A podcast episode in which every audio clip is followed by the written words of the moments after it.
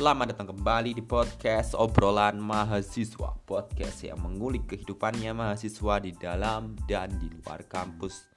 Oke teman-teman semuanya Sekarang sudah memasuki episode yang ke-28 Setelah uh, selama kurang lebih dua minggu tidak ada episode sama sekali. Akhirnya hari ini saya merekam kembali rekaman podcast yang pada episode ke-28. Untuk topik kali ini saya akan membahas masalah demonstrasi Aksi unjuk rasa yang biasanya dilakukan oleh para mahasiswa. Seringkali uh, mahasiswa sebagai agen perubahan atau agen sosial kontrol, kontrol sosial dikaitkan dengan aksi unjuk rasa yaitu aksi yang berkaitan dengan aspirasi untuk masyarakat. Sebenarnya tidak hanya aspirasi untuk masyarakat, tetapi aspirasi dari mahasiswa itu sendiri sering diutarakan dalam bentuk unjuk rasa. Entah itu nanti di jalan atau di depan gedung dan banyak sekali yang jelas pada saat aksi unjuk rasa seperti yang sering kita lihat jelas ada orasi ada tuntutan yang ditunjukkan. Nah lalu saya menyikapi saya pribadi sebagai sebagai seorang mahasiswa menyikapi hal seperti itu hal yang harus menurut saya. Sekarang andekan tidak ada yang melakukan hal seperti itu siapa yang bisa mengkontrol jalannya pemerintahan siapa yang bisa menyuarakan aspirasi masyarakat, siapa yang bisa menjembatani aspirasi warga pada saat mereka didiskriminasi, tidak menerima keadilan. Siapa lagi kalau bukan mahasiswa? Saya sangat memberikan kredit lebih kepada mereka yang masih berani menyuarakan kebenaran meski balada ancaman, balada desakan terus saja mengancam keselamatan para mahasiswa. Saya sering kali diceritakan bahwa pada saat kita membela kebenaran, pasti ada orang yang tidak menerima dan orang yang tidak menerima itu pasti orang-orang yang jelas merasa dirugikan. Dan orang yang merasa dirugikan itu pasti punya backing yang kuat yang siap menyokong untuk memberi ancaman pembunuhan, mungkin nanti juga ada anggota keluarga yang diancam dan banyak sekali. Hal seperti itu mungkin sudah familiar kita dengar di beberapa media atau mungkin dari cerita orang terdekat. Uh, dengan adanya demonstrasi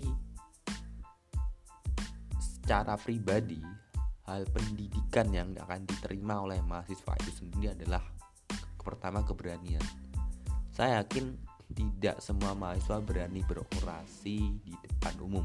Ingat di depan umum.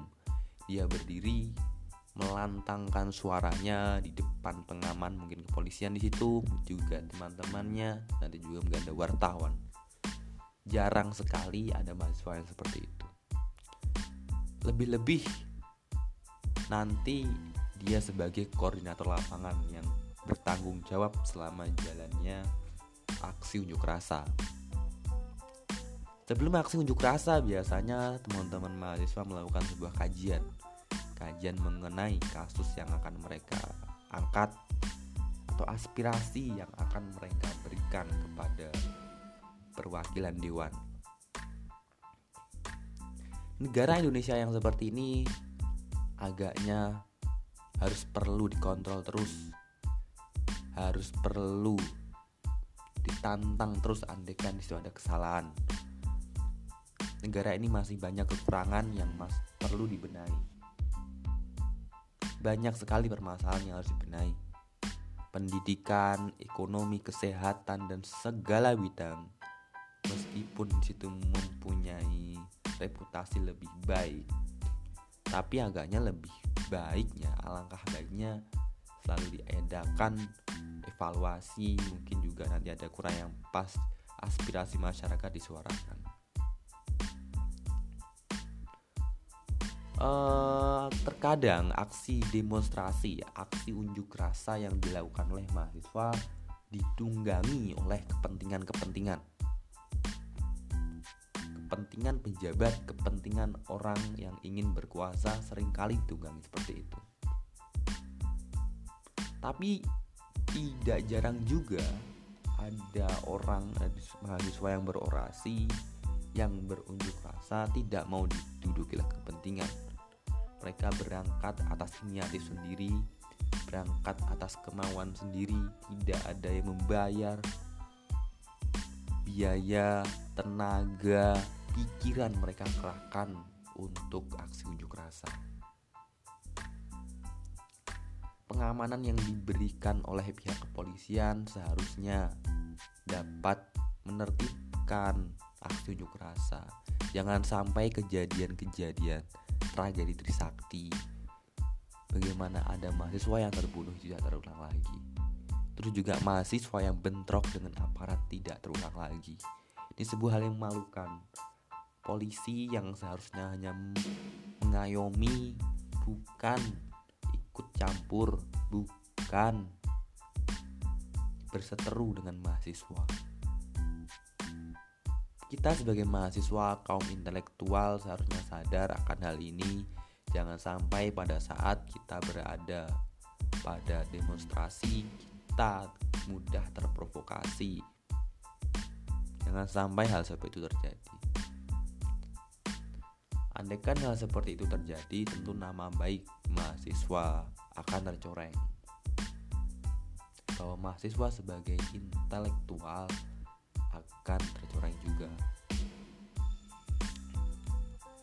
Terus efektifnya biasanya ketika aksi demonstrasi itu selalu membuat tuntutan yang harus ditandatangani oleh pihak-pihak yang di situ mempunyai erat kaitannya dengan kasus atau kejadian yang diangkat ke permukaan publik.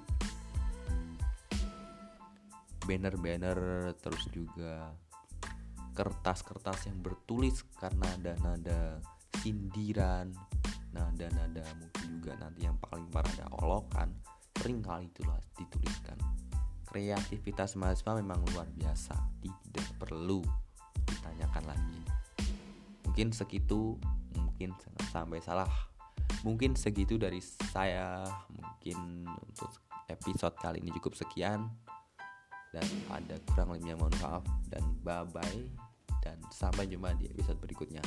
Bye bye